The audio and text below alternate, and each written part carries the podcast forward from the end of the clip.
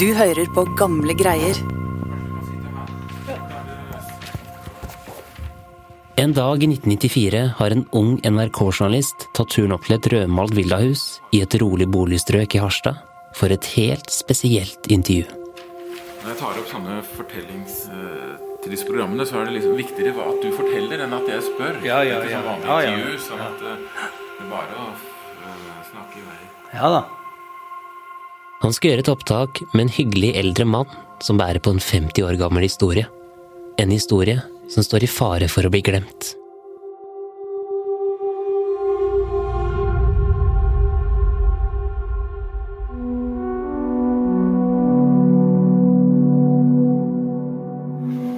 Ja, du vet, de, de minnene de kommer jo De kommer jo nært innpå meg igjen.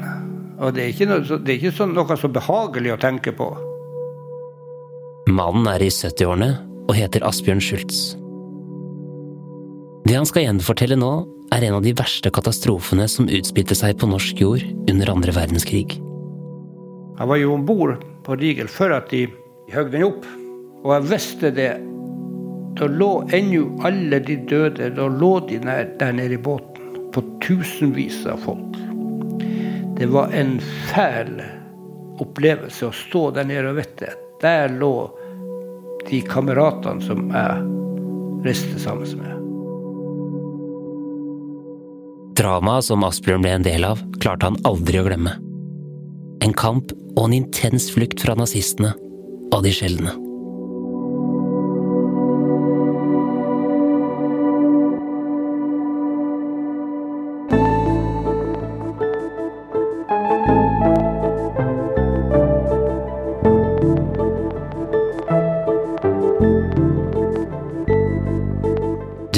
Gamle greier, en podkast fra Nasjonalbiblioteket. Jeg heter Lars Hamren Risberg. Dette er del én av to av historien til Asbjørn Schultz og Riegel-forliset. Det er journalist ved Nasjonalbiblioteket, Martine Kaino, som skal fortelle historien om mannen som lurte døden. Hun tar oss med tilbake i tid, til 1944.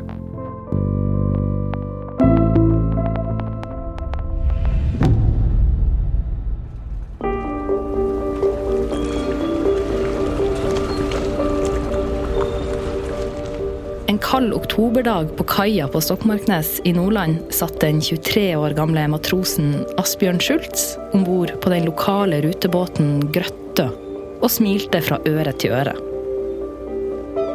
Han hadde på seg en ren, fin, hvit skjorte og slips, for i dag var ikke hvordan som helst dag.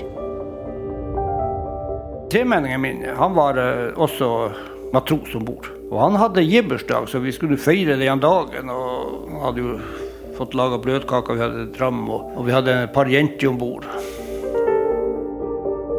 Om bord kunne en av sjømennene spille trekkspill, og snart bevega flere av festdeltakerne seg fra båten og ut på kaia. Folk stimla sammen, og de begynte å danse. Og det hadde man jo ikke lov til i, eh, under krigen.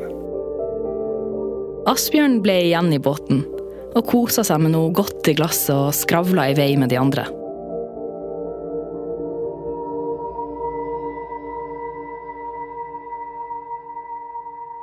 Plutselig kom det tyske soldater på kaia.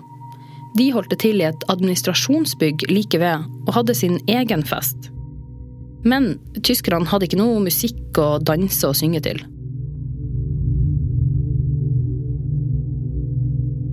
Inne på båten Grøttø fløyt praten mellom Asbjørn og de andre som ble igjen om bord.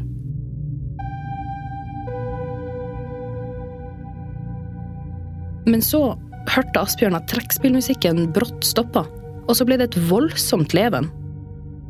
Det var noe som foregikk der ute på kaia. Asbjørn gikk ut for å se hva det var.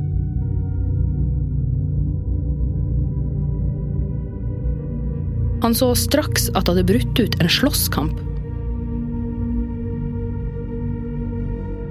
Tyskerne, som hadde hørt trekkspillmusikken nede på kaia, ville nå at sjømannen med instrumentet skulle bli med dem. En soldat holdt tak i den lokale unggutten og dengte løs på ham. Asbjørn kjente igjen den unge gutten. Han var kun 17 år og jobba i posten. og leverte ofte post til mannskapet på Grøttø.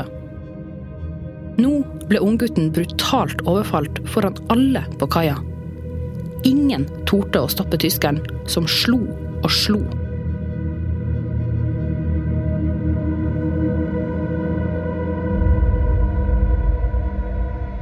Asbjørn kjente kroppen hans fylle seg med raseri. Det kokte over av sinne. Og i en brøkdel av et sekund tok han et valg som kom til å endre livet hans. I neste sekund hoppa Asbjørn fra båten og ned på kaia, og gikk målretta mot tyskeren. Da han kunne se det hvite i øynene på soldaten, knytta Asbjørn neven sammen og slo til tyskeren.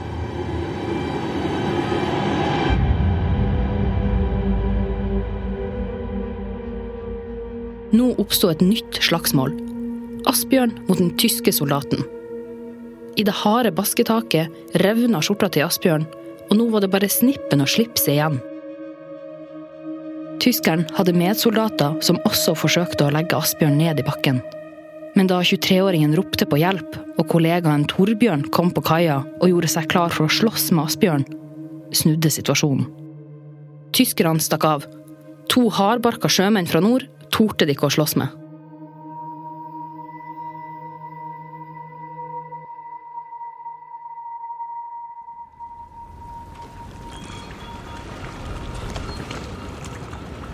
En spontan glede og berusende seiersfølelse strømma gjennom kroppen til Asbjørn. De andre på båten ble minst like glad, og fortsatte festen utover kvelden. For selv om den norske hæren for lengst var nedkjempa, og landet hadde vært okkupert i mange år, så hadde de akkurat vunnet et slags slag mot okkupantene.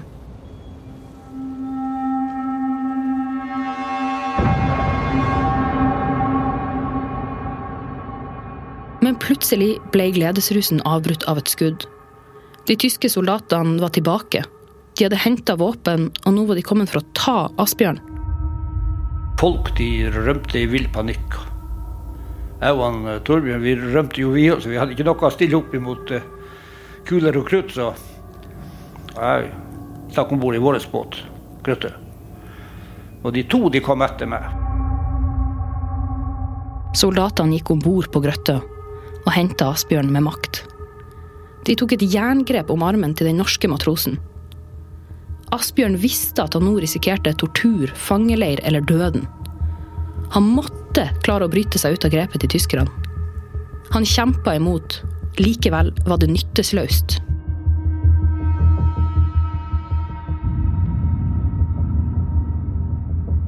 Men når Asbjørn skulle bli ført på land, trådde han hardt på rekka på båten, som lå jevnt med kaikanten. Dermed skifta han sitt tyngdepunkt fra tyskerne. Så slo jeg att med begge armene. Alt det jeg makta. Rykket og vekta til Asbjørn gjorde at en av soldatene falt pladask bakover i båten. Og jeg sprang over rekka, over en stor materialstabel som lå midt på kaia.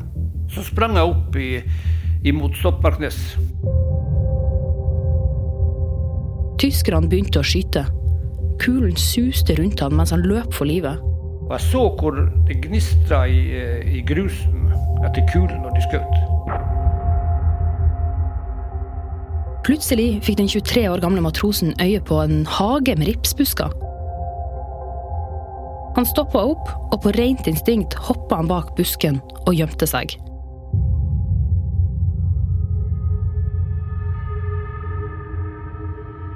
Svetten rant, hjertet dunka intenst. Og like etter kunne han se tyskerne som løp rett forbi.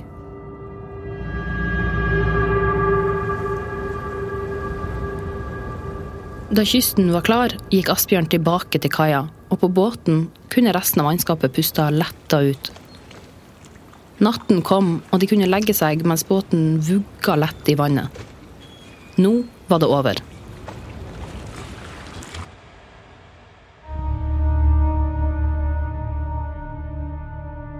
Neste morgen våkner Asbjørn av tunge skritt og stemmer på kaia.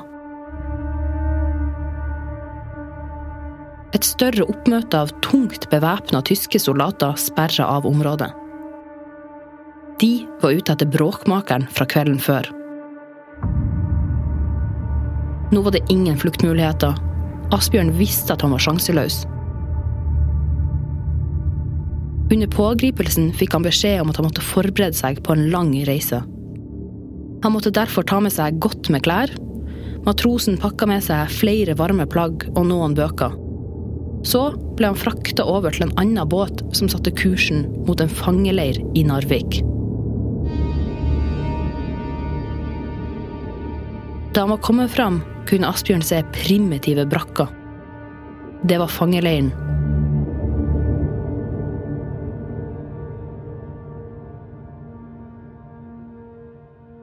Dagen gikk, og dagen ble til uke.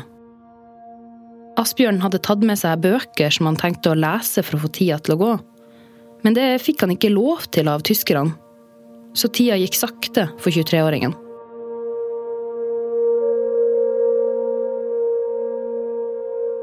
Tankene var mange. Hva var det som ventet han? Ville han noen gang se familien sin igjen?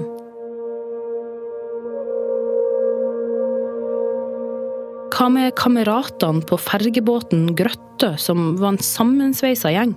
Tenkte de på han?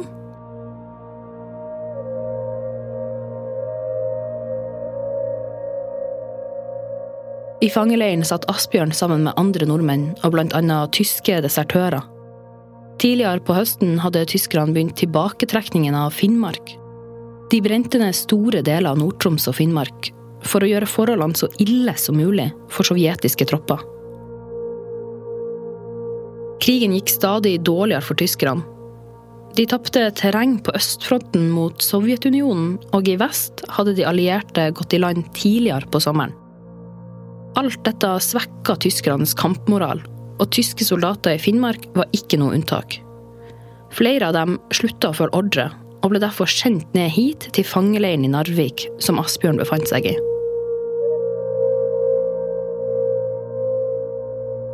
Asbjørn og de andre fangene i leiren spekulerte i hva som ville skje med dem nå.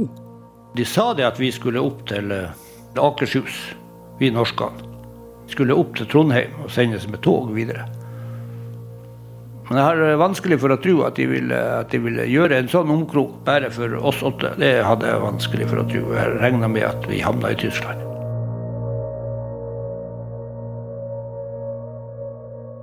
Den 23. november ble Asbjørn og andre fanger ført ut av leiren og mot kaia. Der så det et stort, langt, grått skip. MS Rigel. Skipet tilhørte et norsk rederi, men under krigen var det blitt tatt over av tyskerne. De brukte MS Rigel til å frakte store mengder med soldater og militært utstyr. Men på denne ferden skulle de frakte rundt 2300 krigsfanger.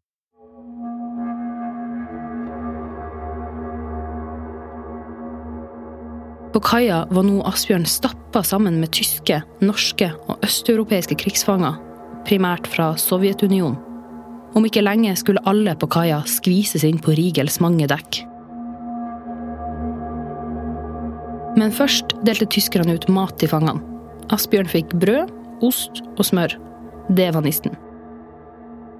Så hørte han ordren om at alle skulle gå om bord.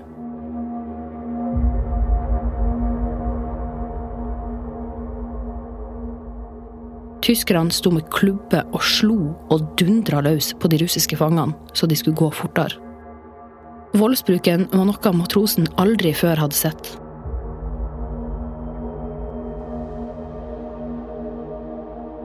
Om bord på båten fikk Asbjørn plass med de andre nordmenn på første dekk, under selve hoveddekket på Rigel. Da de rundt 2300 fangene var pressa inn på skipet, sto de så tettpakka at det knapt var rom til å bevege seg. Tyskerne skapte orden i kaoset. Fangene ble beordra til å stille seg i flere rekker. Etter hvert fikk de en hard madrass å sove på. Mellom rekkene av menneskekropper var det smale ganger hvor man kunne gå for å komme seg opp for å få frisk luft. Hvis man fikk lov av tyskerne.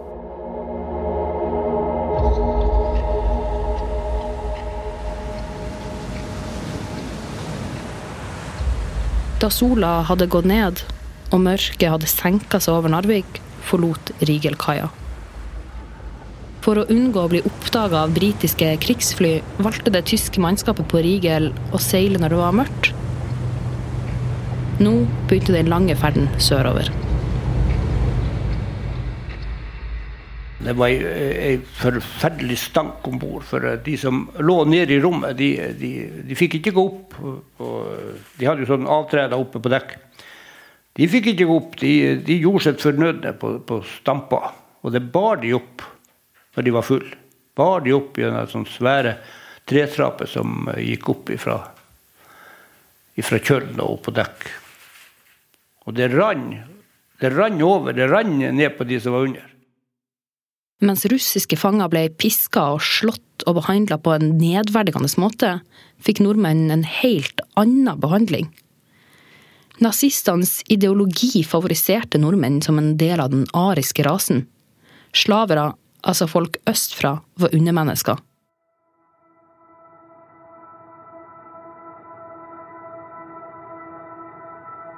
Asbjørn og de andre nordmenn fikk lov til å ta seg frisk luft og gjøre fra seg oppe på Rigel av tyskerne. Men også her var det klare regler. Kun fem menn om gangen.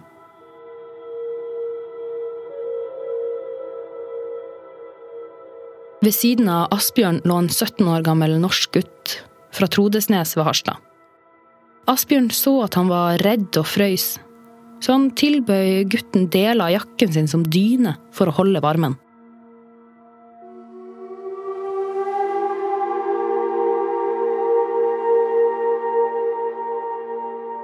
De neste timene tok Asbjørn seg av han 17-åringen og ble en slags farsfigur for den unge gutten.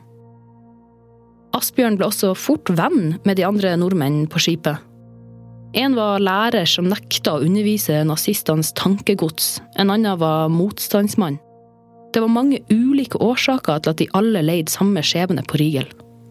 Og selv om Asbjørn ikke kunne russisk, så hilste han og nordmenn på russerne og de la merke til hvor vennlig medfangene var.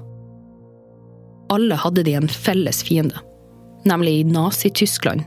Og nå satt de i samme båt, bokstavelig talt, og ingen visste hva slags skjebne tyskerne hadde planlagt for dem.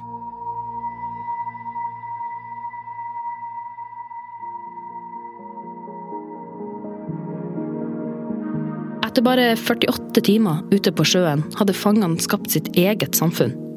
De bytta mat mot klær eller andre tjenester. På tross av tilværelsen som krigsfanger var stemninga så god blant fangene at det gikk inn på Asbjørn. Vi forsøkte å holde humøret oppe, og det var ikke noe sånn dyster stemning. Det kan jeg ikke si.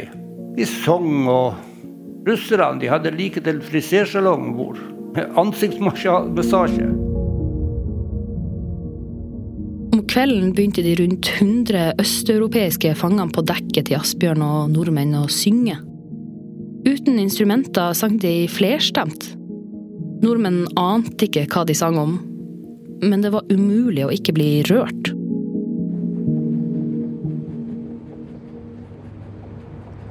Klokka hadde passert ni på morgenen den 27. november, og skipet hadde rukket å vært innom Bodø før det nå passerte Sandnessjøen. Foran seilte én eskortebåt, mens en annen lå lengre bak. Begge holdte vakt. Selv hadde Rige luftvern på hoveddekket dersom fiendtlige fly skulle dukke opp. Tyskerne var forberedt på alt.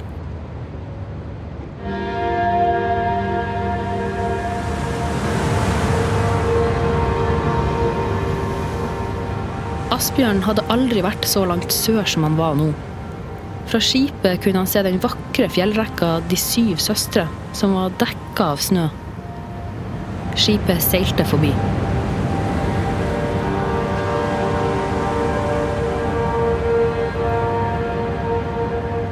Asbjørn fikk lov av vaktene til å gå opp på dekk for å trekke frisk luft sammen med en annen nordmann som het Olaf.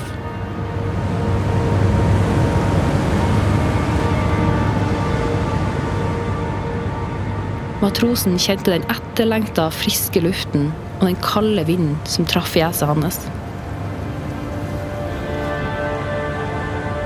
Et deilig avbrekk fra den ille stanken nede i skipet.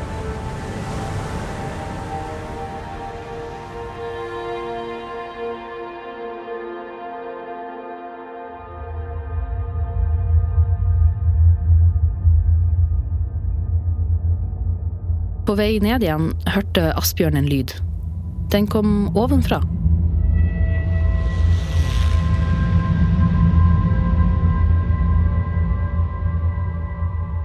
Han retta hodet opp mot himmelen og fikk øye på et fly. Tyskerne fikk straks øye på det samme, men de så ikke ut til å uroe seg noe særlig. Men så dukka det opp enda et fly på formiddagshimmelen. Så et nytt. Og snart var det enda flere fly som kom over dem. Det var som en sverm av svarte kråker.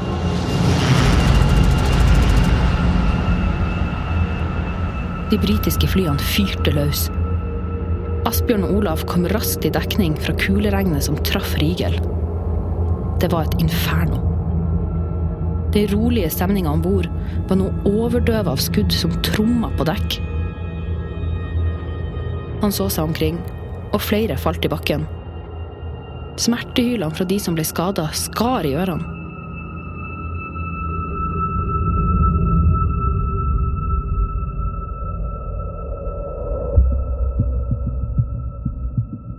Et voldsomt kaos begynte å utspille seg på Rigel. De andre nordmenn ville nedover på skipet for å søke dekning. Men Asbjørn nekta. Skulle de overleve, måtte de helt opp og satse på å ikke bli truffet. Gikk de ned i skipet, ville det være en sikker død, for Asbjørn antok at båten ville synke om kort tid. Han skulle helt øverst på Rigel, der kulene hagla. Skuddene fortsatte å tromme på dekk. Trestigen som førte opp til den ene broa på skipet, hadde kollapsa i skuddregnet. Så ble det stille.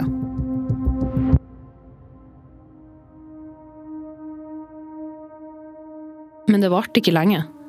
For Asbjørn så at britene slapp bomba som nå dalte nedover dem. Lyset på Rigel gikk, og en gulaktig røyk steig opp. Så ble den svart. Det begynte å brenne på skipet.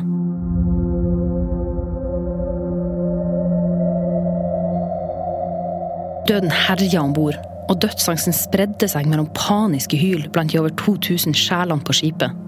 Samtidig som de britiske flyene sverma over dem og stupte ned og fyrte løs. Men det som så ut som en sikker død for mange, var noe helt annet for Asbjørn. Han ble fylt av et håp fordi han ante en mulighet. Hvis han kunne overleve dette kaoset, kunne han rømme.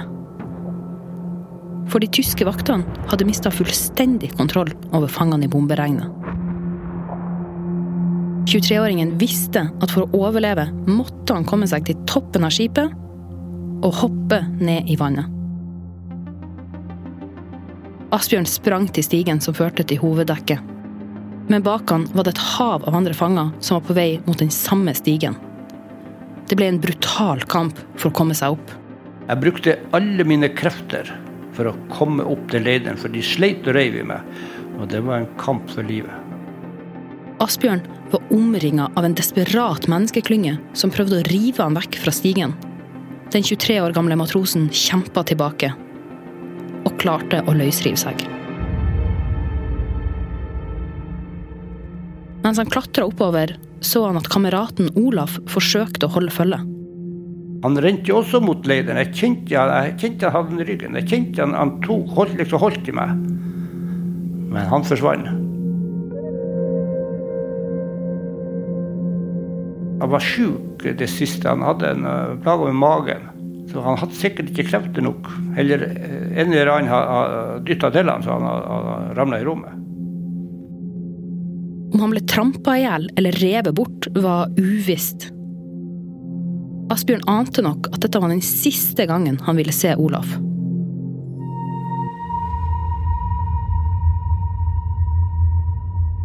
Da han endelig kjempa seg opp til hoveddekket, merka Asbjørn at blodet fløyt og skvulpa under beina hans.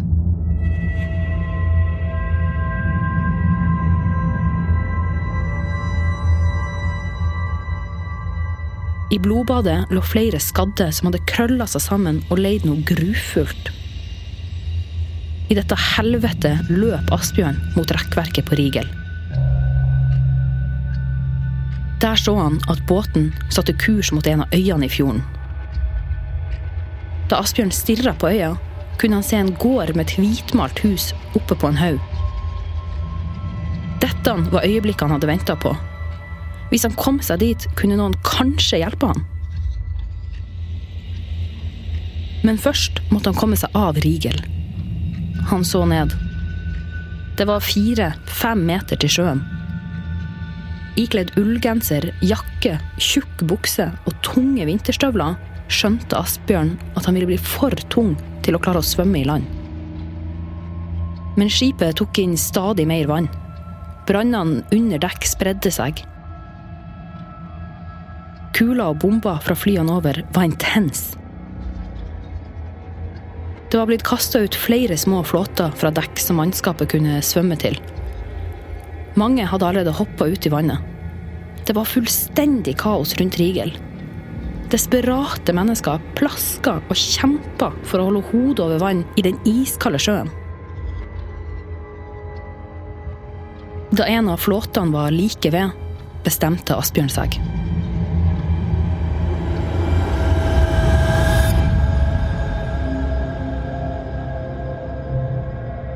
I fallet rakk han hendene ut på hver side og forma seg som et kors for å dempe fallet.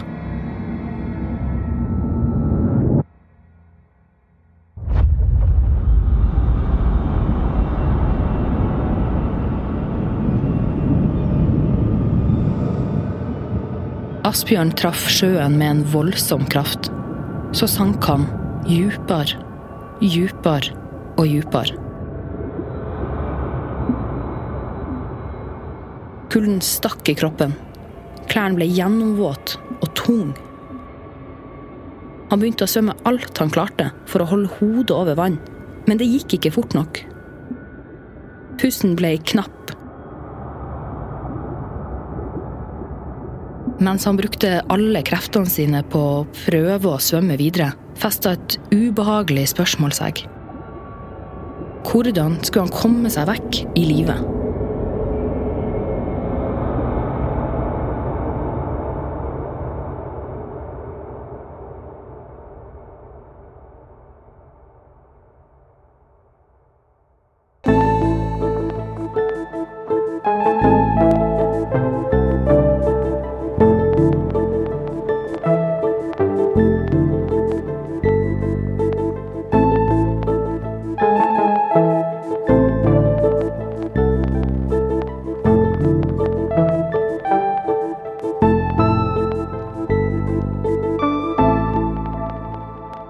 Du har hørt del én av to av historien til Asbjørn Schultz og Rigel-forliset.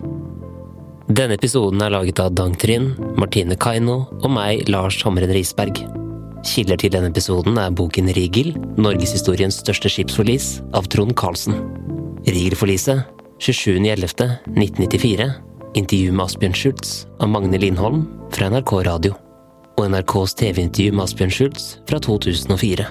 Tusen takk til lokalhistoriker Trond Karlsen for veiledning i arbeidet med historien om Asbjørn Schultz. Musikken du har hørt i denne episoden er fra Epidemic Sound og Therese Aune. Mitt navn er Lars Hamren Risberg. På gjenhør.